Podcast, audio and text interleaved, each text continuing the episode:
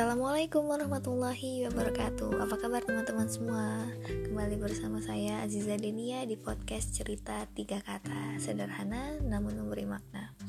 Hari ini kita akan membahas tema Yaitu Life is Choice Atau hidup adalah pilihan. Uh, Jadi ini terinspirasi dari buku yang saya baca ya Yaitu Beyond the Inspiration Dari Ustaz Felix Xiao. Uh, Mungkin uh, kalimat life is choice itu adalah kalimat yang sederhana ya. Hidup adalah pilihan sederhana dan juga uh, apa ya sering kita dengar atau mungkin sering kita baca. Tapi di sini kita akan bahas nih apakah benar kalimat ini sesederhana itu? Nah sebelumnya uh, saya pengen uh, bahas dulu nih terkait dengan hidup itu apa sih? Maksudnya kalau kita membayangkan mengenai hidup itu seperti apa? Apakah hidup itu bagi teman-teman ya hanya sekedar menjalankan siklus kehidupan ya. Maksudnya seperti kita itu lahir kemudian uh, beranjak uh, besar akhirnya masuk sekolah SD SMP SMA kemudian masuk ke perguruan tinggi kemudian lulus kemudian bekerja kemudian cari jodoh menikah punya anak dan akhirnya oke okay, meninggal dunia gitu. Apakah uh, hidup sesimpel itu gitu ya semulus itu.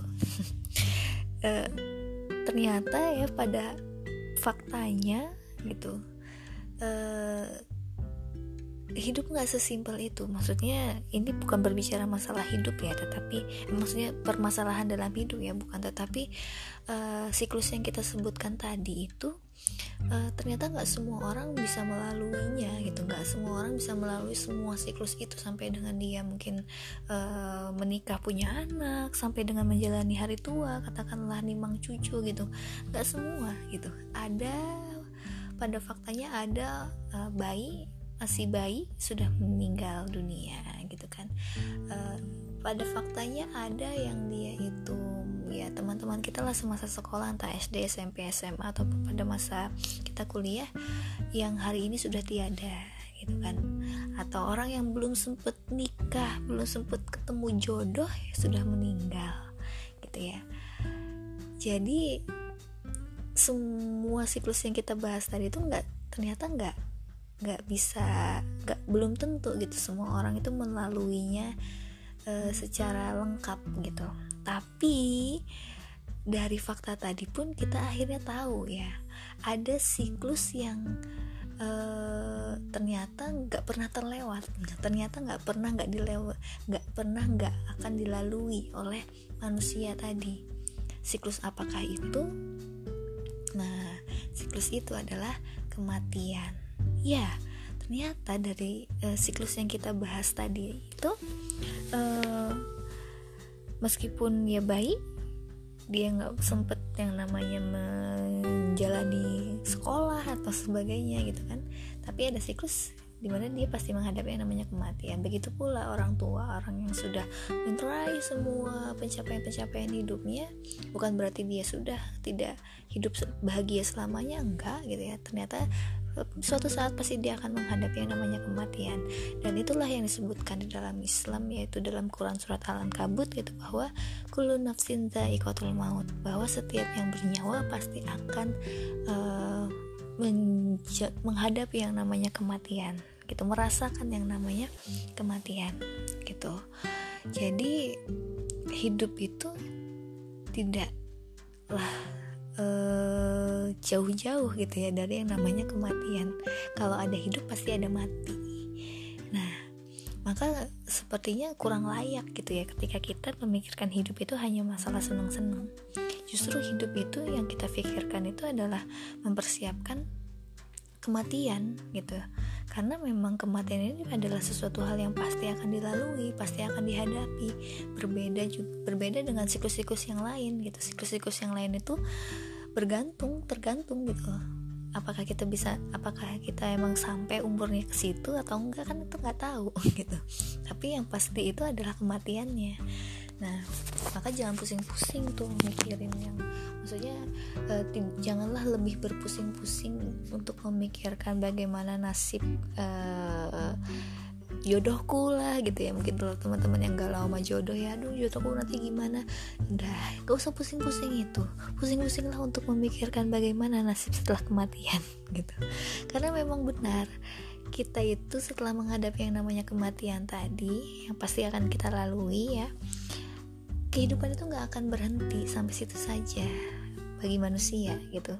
Mungkin iya jasadnya ya uh, itu sudah tidak bernyawa lagi gitu tidak bergerak lagi. Tetapi setelah kematian itu manusia itu tetap yang namanya mengarungi sebuah kehidupan. Karena itu bukanlah kehidupan kekalnya dia gitu uh, kehidupan dunia ini bukanlah kehidupan kekalnya dia di mana berarti masih ada kehidupan yang lain yang harus dia lalui gitu kan sampai dengan pada tujuan akhirnya dia nanti. Nah, itulah yang disebutkan dalam Islam bahwa e, setelah alam dunia, jadi jadi kita itu melalui sebuah perjalanan ya gitu. dari alam roh, kemudian alam kandungan ya di rahimnya ibu, kemudian mas dilahirkan masuk ke alam dunia. Nah, yang seperti ya, ya kita hari ini di sini gitu ya. E, nanti itu tidaklah berlangsung lama gitu alam dunia ini kehidupan kita di dunia itu tidaklah berlangsung lama mungkin selama lamanya kita di dunia itu ya ya kisaran umur berapa sih? 70 tahun lah. Itu udah yang paling kalau usia harapan hidup di Indonesia seperti itu gitu kan ya. Ya entah kalau usia harapan hidup di luar negeri ya bisa lebih gitu. Tapi nggak ada manusia yang bisa hidup sampai 200 tahun 300 tahun apalagi yang 1000 tahun. Itu hanya ada di drama drama Korea ya itu kan ada tuh. Nah itu hayalan banget gitu karena memang manusia itu nggak akan mungkin gitu hidup selama itu gitu. Kehidupannya dia di dunia loh ya maksudnya. Nah eh, karena ya tadi itu setelah kematian e, manusia itu ya melanjutkan kehidupannya e, dengan kondisi yang berbeda nggak seperti di alam dunia tapi hidupnya dia masih berlanjut dia masih merasakan gitu. Yang namanya sakit merasakan yang namanya e, ya terhimpit nanti ketika misalnya di alam kubur gitu kan ya ketika e, memang amalnya dia e, selama di dunia itu memang e, layak diberi himpitan dalam kubur gitu kan. Nah jadi kembali lagi ya jadi kita eh, setelah kematian itu ada yang namanya perjalanan hidup lagi gitu yaitu melalui alam kubur yang dia itu kalau kita bandingkan lamanya berapa tahun? Kurang lebih 7000 tahun di alam kubur. Kemudian apakah berhenti sampai situ? Enggak perjalanan masih berlanjut dibang sampai kepada hari kebangkitan yaitu hari kiamat gitu kan ya. Manusia dibangkitkan kemudian di apa kumpulkan ke padang mahsyar.